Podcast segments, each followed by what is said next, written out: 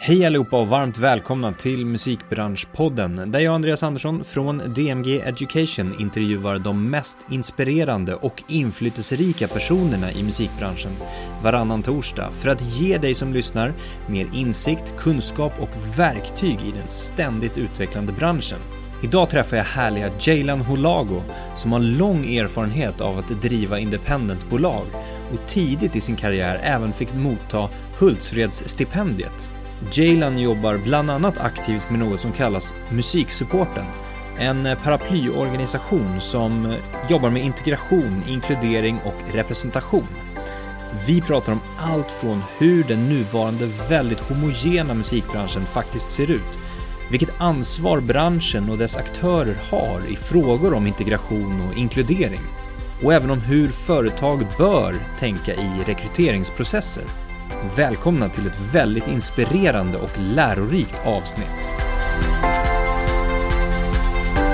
Jaylan Holago, varmt välkommen till Musikbranschpodden. Tack så mycket. Det är jättekul att ha dig här. Ja, tack för att jag fick komma. Ja, du kom till slut. Det Jag var jobbigt slut. att få lite parkering. Exakt. Ja. Men du, ehm, vi träffades för ett tag sedan, första Mm. gången på eh, konferensen Fackbranschen i Botkyrka. Jajamän. Eh, där du var konferencier, Mm. kan man väl sammanfatta det som. Mm. En riktigt bra sån måste jag säga. Tack så mycket. Väldigt, väldigt Det är bra. kul att vara konferencier. Du, du, har du varit det på fler liksom, tillställningar och så? Ja, jag brukar faktiskt eh, det brukar bli så att det är jag som får konferenciera våra programpunkter på Mångkulturellt centrum där ni var också. Okej. Eh, Där jag var verksamhetsansvarig för publikverksamhet tidigare. Mm. Så då gjorde vi många programpunkter och sådär. Ja, men det, det finns någonting speciellt i Eh, jag, jag brukar inte föredra att stå på scen överhuvudtaget. Jag gillar ju att stå bakom. Men just när det kommer till samtal och kurera samtal så tycker jag att det är väldigt spännande. Du känns väldigt liksom bekväm i den situationen tycker jag. Ja, vad skönt att du uppfattar det så. Men ehm, den här dagen var ju liksom en dag att samla musikbranschen först Mm. och främst liksom, Ja. som ett första så här kick-off-steg. Mm. Och, och eh, på den dagen så pratade vi bland annat om inkludering och representation i musikbranschen Mm. och hur det ser ut. Men eh, kort, vad, vad, vad var initiativet? Varför, varför bjöd, eh, bjöds musikbranschen in till den här dagen? Ja, alltså det, eh, jag ska försöka hålla det en lång historia kort. Eh, det är så här att både Fanzingo, vår systerorganisation i Alby och vi som heter Nobo, ung vuxenverksamhet i Fittja, eh, har musikstudios. Och det har senaste åren varit lite så att det har kommit upp väldigt mycket studios i förorterna i Sverige. Eh, det finns ett jättestort behov, folk vill göra musik.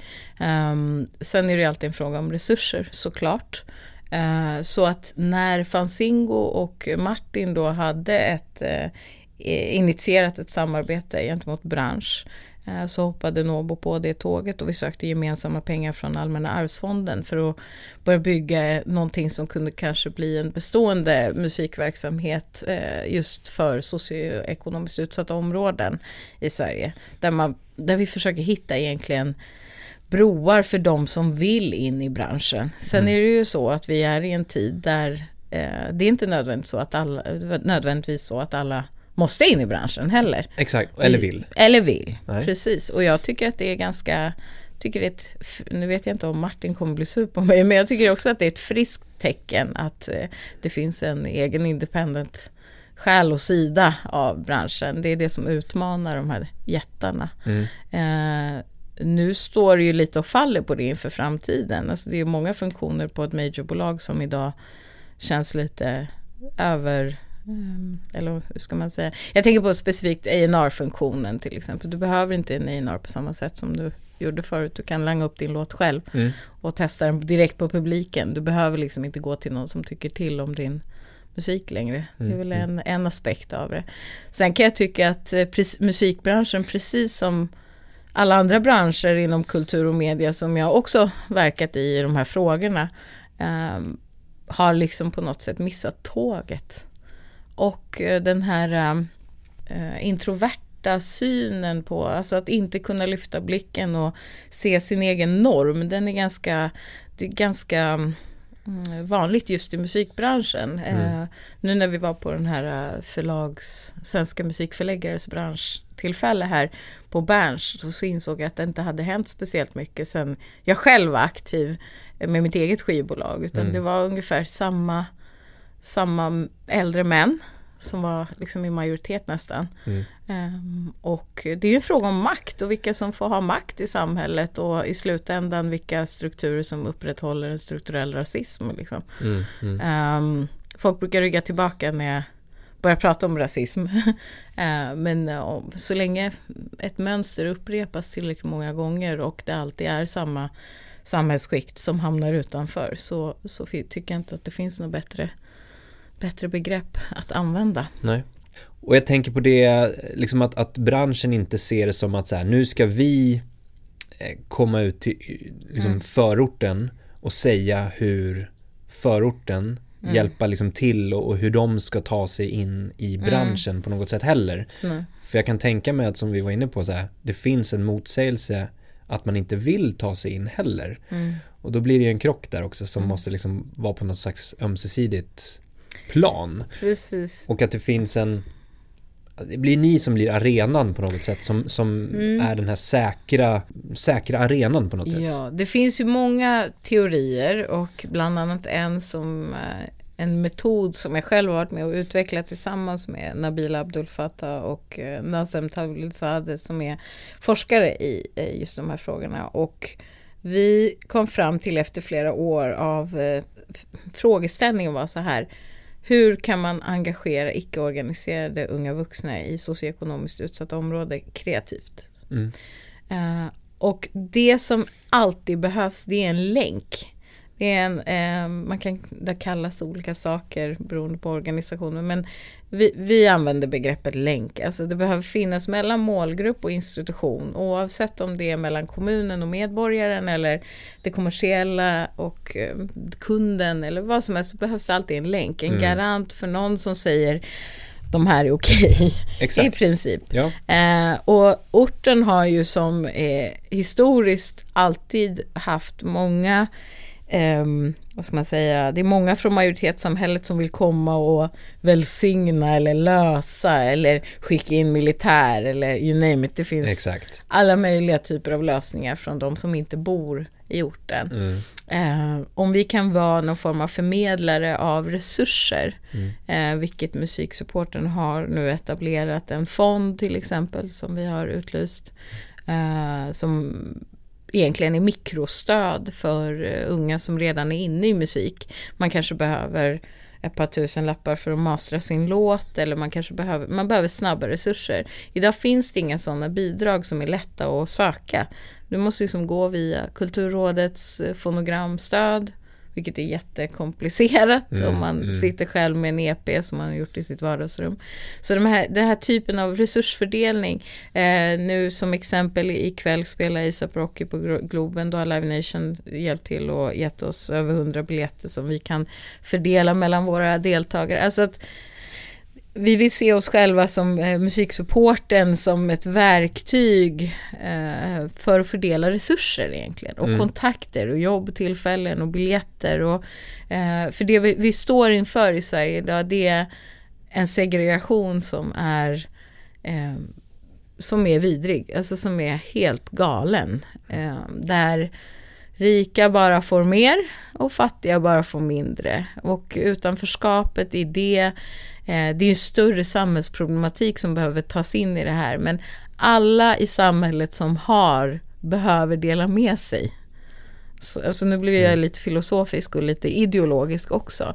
Men eh, det finns också en anledning till de här institutionerna och branscherna som vi pratar om nu, musikbranschen till exempel, har i allra högsta grad ett ansvar i att vi nu står inför Sverigedemokraterna som ett av de största partierna. Eh, allt det vi ser nu i form av samhällsutveckling, det har vi alla ett ansvar, särskilt medelklassen skulle jag säga. Det är en klassfråga. Eh, vilka som får möjlighet till jobb, vilka som får möjlighet eh, till eller kunskap och eh, resurser, kapital hemifrån att kunna sätta sig och göra en bidragsansökan. Det här är gjort för, för majoritetssamhället, det är inte gjort för alla de här Nej. systemen. Så att vi måste kanske låter hårt, men vi måste spränga systemen mm. och bygga nya. Och om man är då medelklassen mm. och känner sig mm. liksom träffad nästan mm. också sådär att hur kan jag göra någonting då? då? Man kan vara en jättebra allierad. Mm. Eh, man tar reda på när man ska solidarisera med frågan och när man ska släppa fram någon annan att prata. Det är skitviktigt. Mm. På arbetsplatser, i fikarum, Eh, att faktiskt ehm, till de få personer som är då i minoritet till exempel på en organisation på ett skivbolag eh, att se till att vara den bästa allierade. Eh, och det kan man göra på olika sätt. Ehm, jag vill gärna kasta in ett boktips här. White Fragility, Robin DiAngelo, ehm, doktor och beteendevetare som har skrivit en, hon är själv vit kvinna och har flera föreläsningar på Youtube också. Pratar just om hur man som vit kan, alltså behöver förstå de här processerna för att vara den bästa allierade egentligen. Mm. Hur man förstår rasistiska strukturer och allt det här som eh, vi som jobbar med de här frågorna får möta ganska så standardexempel eh, av, man kan nästan följa en skala om du sitter med en vit majoritetsperson som kanske sitter på en chefsposition och så börjar man prata om de här sakerna så kan du ge dig fram på att det börjar i ett ett, eh, nästan en konsensus, ja vi vet att vi har problem. Och sen går över till ett, så här, men hur ska vi göra? Och när man då börjar prata om, när det börjar bli förståeligt vad det är som faktiskt behöver förändras.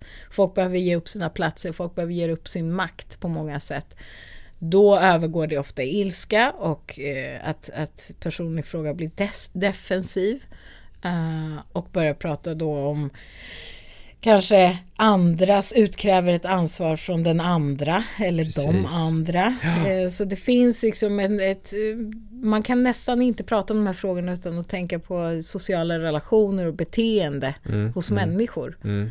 Och jag tror, att, jag tror att musikbranschen har mycket att lära i att faktiskt se sin egen roll och se, ta ansvar för varför det har blivit så här mm. som, som vi står i nu. Mm. Det är många nu som vill hitta nästa Einar eller ZE. Du nämnde förut vem du är liksom. Mm. Sådär. Eh, du har en bakgrund som har drivit eget bolag mm. eh, som du startade 2003. Mm. Och 2006 så fick du Hultsfredsstipendiet. Mm. Kul att ta upp det, det var 150 år sedan. Ja, nästan, inte nästan. riktigt. 14 ja. år sedan. Ja. 15, vad blir det? Um, och jag tänkte läsa upp motiveringen till det. Okay. Varför du fick det också. Härligt. Med bibehållen artistisk frihet som motto och en ständig ambition att finna nya vägar att nå ut i en självständig, eh, en ständig föränderlig musikbransch sticker Jaylan ut som fräsch, osynisk och nytänkande aktör som kämpar underifrån och framåt. Wow. Rimmar det fortfarande med det du ja. liksom vill göra ja, nu också? Ja, det är underifrån alltid. Mm, mm. Jag, jag kan inte tänka mig att jobba på något annat sätt. Nej. Men, men det här, um, du fick det efter tre år att ha drivit ja. bolag. Det måste ju då känns som en ganska så här skön bekräftelse på att du faktiskt gör någonting framåt. Ja, men det tycker jag. Det var ju också Hultsfred, jag vet inte hur många som jag hoppas att de som lyssnar på det här kanske är lite äldre så de kommer ihåg hur viktigt Hultsfred var mm. branschmässigt. Mm. Eh, det här backstageområdet där alla hade sina bodar och Eh, men just den tiden, det var ju liksom, vi gjorde allt själva. Mm. Allt. Och det var ju en tid där det inte alls var självklart att du bara, vi hade ju då Hela, hela tanken var så här, okej okay, jag kan göra allt tillsammans med artisten. Eh, och den första gruppen jag jobbade med och startade företag med var i fjärde världen. Och Matte som är producent idag, eh, jättestor producent idag, eh, han hade ju liksom en egen studio hemma. Så vi, de kunde ju ta fram allt, vi behövde inte hyra någon studio. Och då började jag fundera på, okej, okay, jag som kan promotion och det här, om jag börjar jobba och vi kan dela lika, 50-50 rakt av och göra allt själva. Det enda vi inte kan göra själva, det är distributionen. Mm. Så att vi, det här låter ju självklart idag, var inte självklart då. Vi signade bara distributionsstil då med V2 som fanns på den tiden. Um, och, för man behövde ju trycka skivor mm. också, Precis. får inte glömma. eh, så vi gjorde så jävla mycket och vi turnerade, jag tror de där åren, jag var ju också turnéledare, mm. också den enda med körkort. Mm. Eh, så att jag satt ju och körde Alltså jag tror vi körde så till 300 gig på två år eller någonting. Det var helt sinnessjukt. Um, och gjorde allting själv. så jag vet inte hur mycket jag uppfattade av det där priset. För jag minns att vi var där, vi hade spelning både med Fjärde Världen och kanske med Medina också då om jag inte minns fel. Um, så jag minns bara att vi, att vi sprang in där på backstageområdet och ja, men så stod, jag tror det var Mats Broberg från P3 med någon mick och sen så sa de mitt namn och jag var så stressad. Så att jag jag kommer liksom inte riktigt ihåg om jag liksom landade i Däremot så har jag dammat av det där själva diplomet och nyligen, alltså bara för några veckor sedan, mm. ställde det i mitt nuvarande kontor med mina kollegor. Som en liten pepp Som en, för Ja, men för eller? jag tänkte så här, nu, nu fan har vi ett kontor, då kanske det ska stå här. Ja. liksom. Um, så det var intressant att du tog upp det, för det var, jag har ju liksom inte reflekterat över det förrän nyligen egentligen. Nej. Uh, men det var också så det året, det ska jag skjuta in, att min favoritgrupp Alice in Chains spelade. Och Jerry Cantrell klev in på backstageområdet samtidigt som det här priset delades ut. Så jag hade lite så här dubbelscen. det minns jag. Fullt förståeligt. Ja. ja. Uh, ja, nej men, det, ja, men det, det, det var en fin motivering, absolut. Mm. Men vilka artister har du jobbat med eh, sen uh, dess då? Ja, uh, det började med Fjärde Världen. Vi släppte ju tre skivor, som jag minns det, två skivor. Och sen så jobbade jag ju väldigt nära med Tom P som blev Max Peasy. Som är um, som vi släppte två skivor med. Under tiden så träffade vi också Jackie Mapei så jag släppte Mapis första EP, vilket jag är väldigt stolt över. Mm. Eh, Videovixen. Eh, basutbudet. Eh, och Medina som eh, numera är ju Sami, står känd producent också. Eh, och ja, med basutbudet med Marcus Price. Och eh, Kari Lekebusch jobbade vi nära med under flera år. Uh, han proddade mycket. Um, så det, det, det, blev en fin katalog. Mm, mm, verkligen. Um, men nu har det nu, tagit sig lite ja, annat uttryck. Jag blev lite trött på att jobba med artister efter många år av att jobbat med artister. Alltså jag kände att um, det var inte riktigt där Alltså jag gillar att jobba med artister, det är inte det. Det är bara att jag tänkte att det fanns mer att göra. Mm. Mer att göra på den här fronten. Och sen så hamnade jag också i det här skedet där jag blev producent på Riksteatern. Så det tog det mesta tiden. Men jag har alltid haft, Devrim som företaget heter har alltid puttrat, det finns kvar. Mm. Det puttrar lite vid sidan av och jag använder ju de kunskaperna än idag. Min kollega i mitt nuvarande bolag, eh, vi är ett konsultföretag egentligen, eh, han är manager åt Imenella så att jag är väldigt nära det, hennes process eh, på olika sätt och försöker bidra och så. Så jag har artister runt omkring mig fortfarande men inte som, inte som skivutgivare. Nej. Nu är det mer eh, musiksupporten som gäller. Ja, det är mer också, jobba mycket med lyssnarna. Mm. Kan man säga. Mm. Inom. Och sen så tror jag att jag har, en, om man nu ska prata om kompetenser, så att vara den där länken, att fortfarande ha en dialog och en kontakt till ungdomarna ute i Botkyrka till exempel som vi jobbar med genom olika utbildningar och, så här, och möta institutionerna eller branschen och kunna vara en informationsbärare däremellan. Mm. Eh, det är ett privilegie skulle jag säga. Mm. Och jag vore dum och eh, inte, så, inte så smart om jag inte utnyttjade den positionen. Och det här musiksupporten som vi mm. benämner nu då, mm. det är väl på något sätt ett, ett ett initiativ, ett paraplyinitiativ mm. kan man väl sammanfatta det med. Absolut. Ehm, och vad är liksom, vad, vad blir din mest liksom underliggande drivkraft i det här? I det du gör? Eh, resursfrågan och maktfrågan skulle jag säga. Resurserna, resurserna som finns.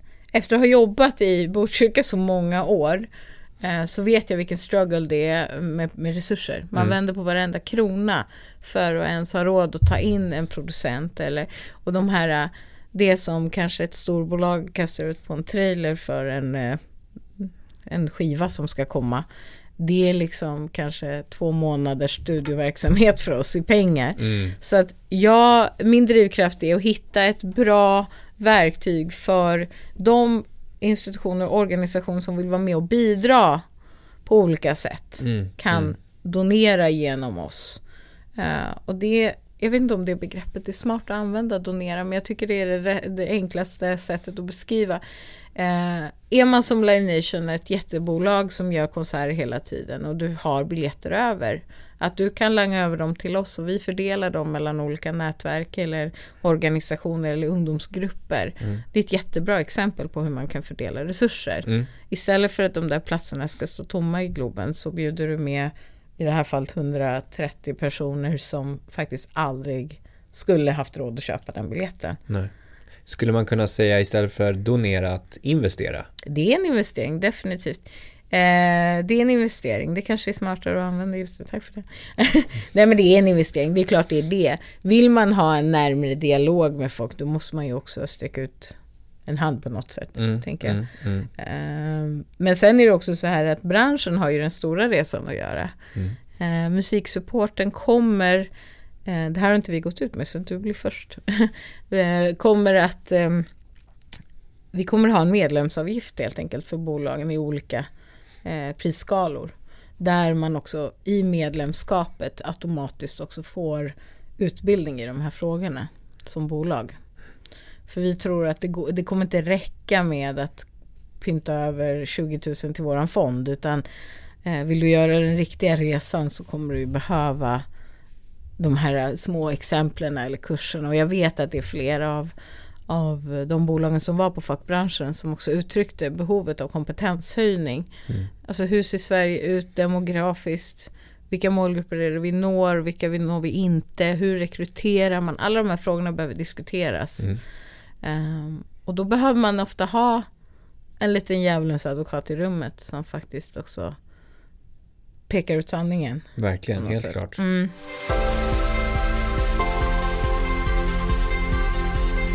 Men nu finns det ju som sagt initiativ, Mm. det här. Mm. Det finns en vilja från bolag som Mm. vill vara med och bidra och vi pratar om det här med eh, liksom att ni är länken Mm. och eh, att, att investera och investera ekonomiskt för att få i utbyte eh, utbildning till exempel och det finns fler idéer Mm. kring det här. Eh, vilka utmaningar tror du vi kommer se liksom kring de här initiativen Mm. framöver nu då? Just kring mus- musiksupporten så är ju den stora utmaningen alltid resurser. Även om vi har fått eh, pengar från arvsfonden så är det ju så att folk, någon ska göra allt det här Mm, också. mm. eh, men vi ser det som att vi har, vi har ju två målgrupper. Vi har både våra deltagare i studieverksamheterna och det ska jag faktiskt också nämna.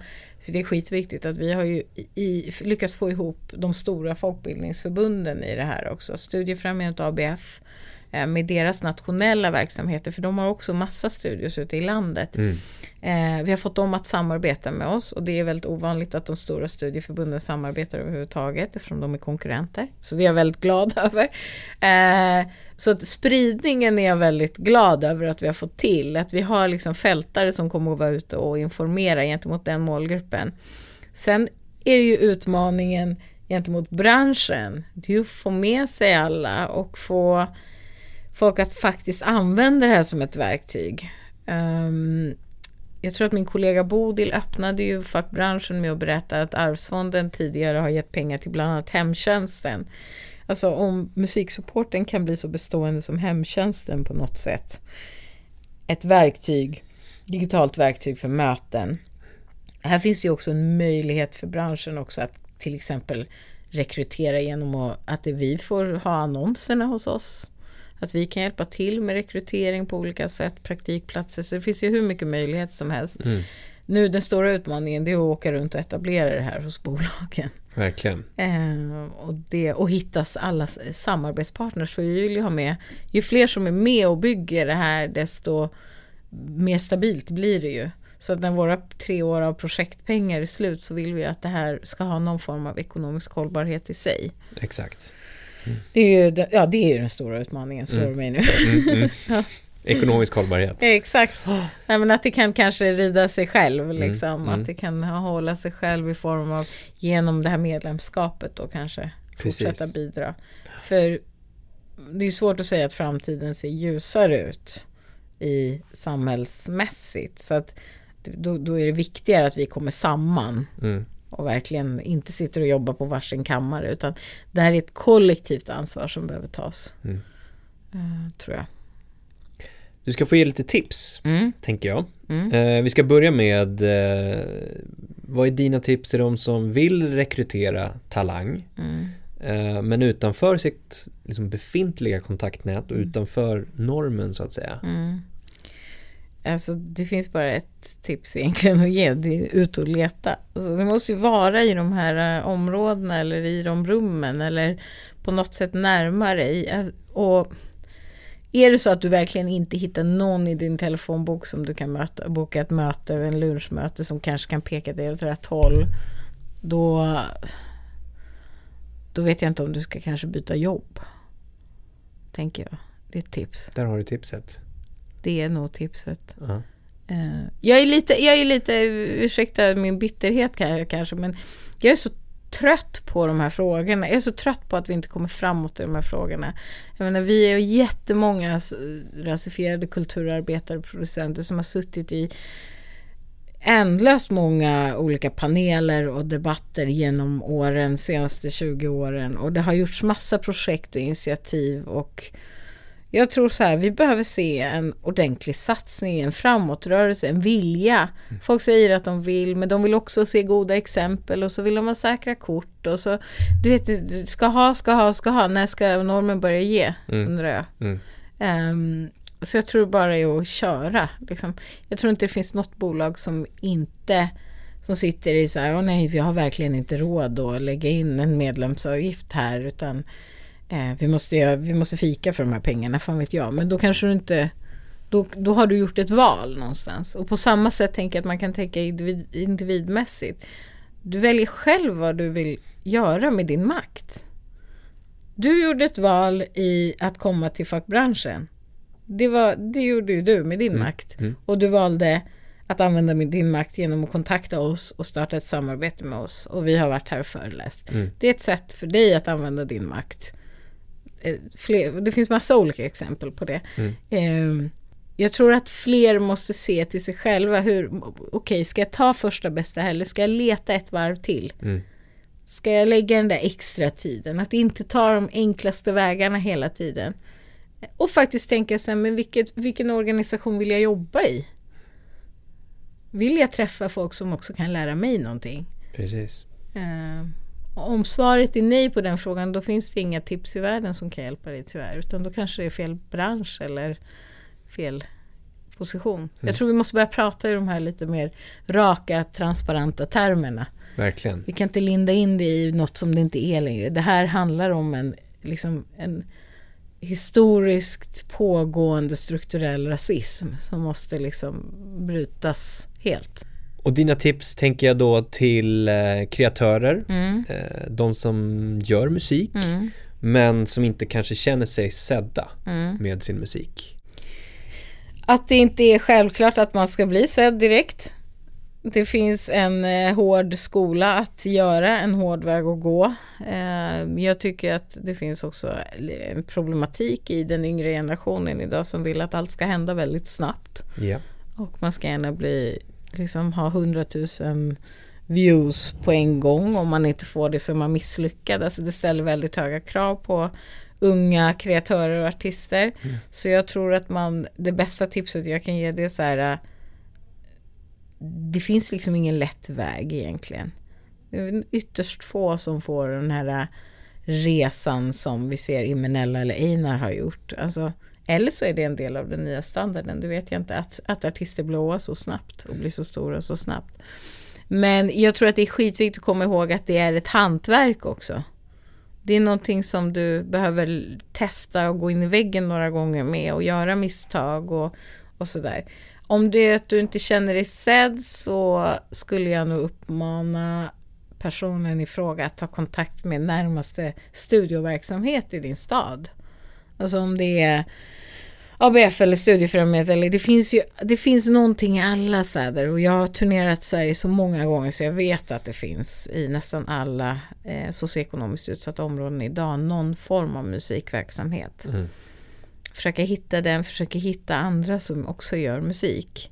Sen måste du ju till slut komma kanske till en fråga om man vill satsa på musiken som karriär. För det är ju något annat. Exakt. Eh, eller om du har kvar det som hobby. Mm. Så att eh, det finns inget enkelt tips. Det beror på vilken väg du vill ta. Mm. Eh, men också att kontakta skivbolagen. Om det nu är ett majorbolag man vill signa med. Att våga ta den kontakten och bara säga hej. Mm. Fast det är ju, jag vet inte ens själv vem jag skulle mejlat om jag ska vara ärlig. Jaylan, mm. superhärligt att snacka med dig och lärorikt. Ja, tack Väldigt. för att jag fick komma hit och prata av mig. Självklart. tack för att du har lyssnat på podden. Du har väl inte missat något av de senaste avsnitten? Kom ihåg att prenumerera på podden för att inte missa viktig kunskap. Vem tycker du ska vara med i podden? Eller vad vill du lära dig? Hör jättegärna av dig till mig på andreas@dmgeducation.se alla tips är varmt välkomna.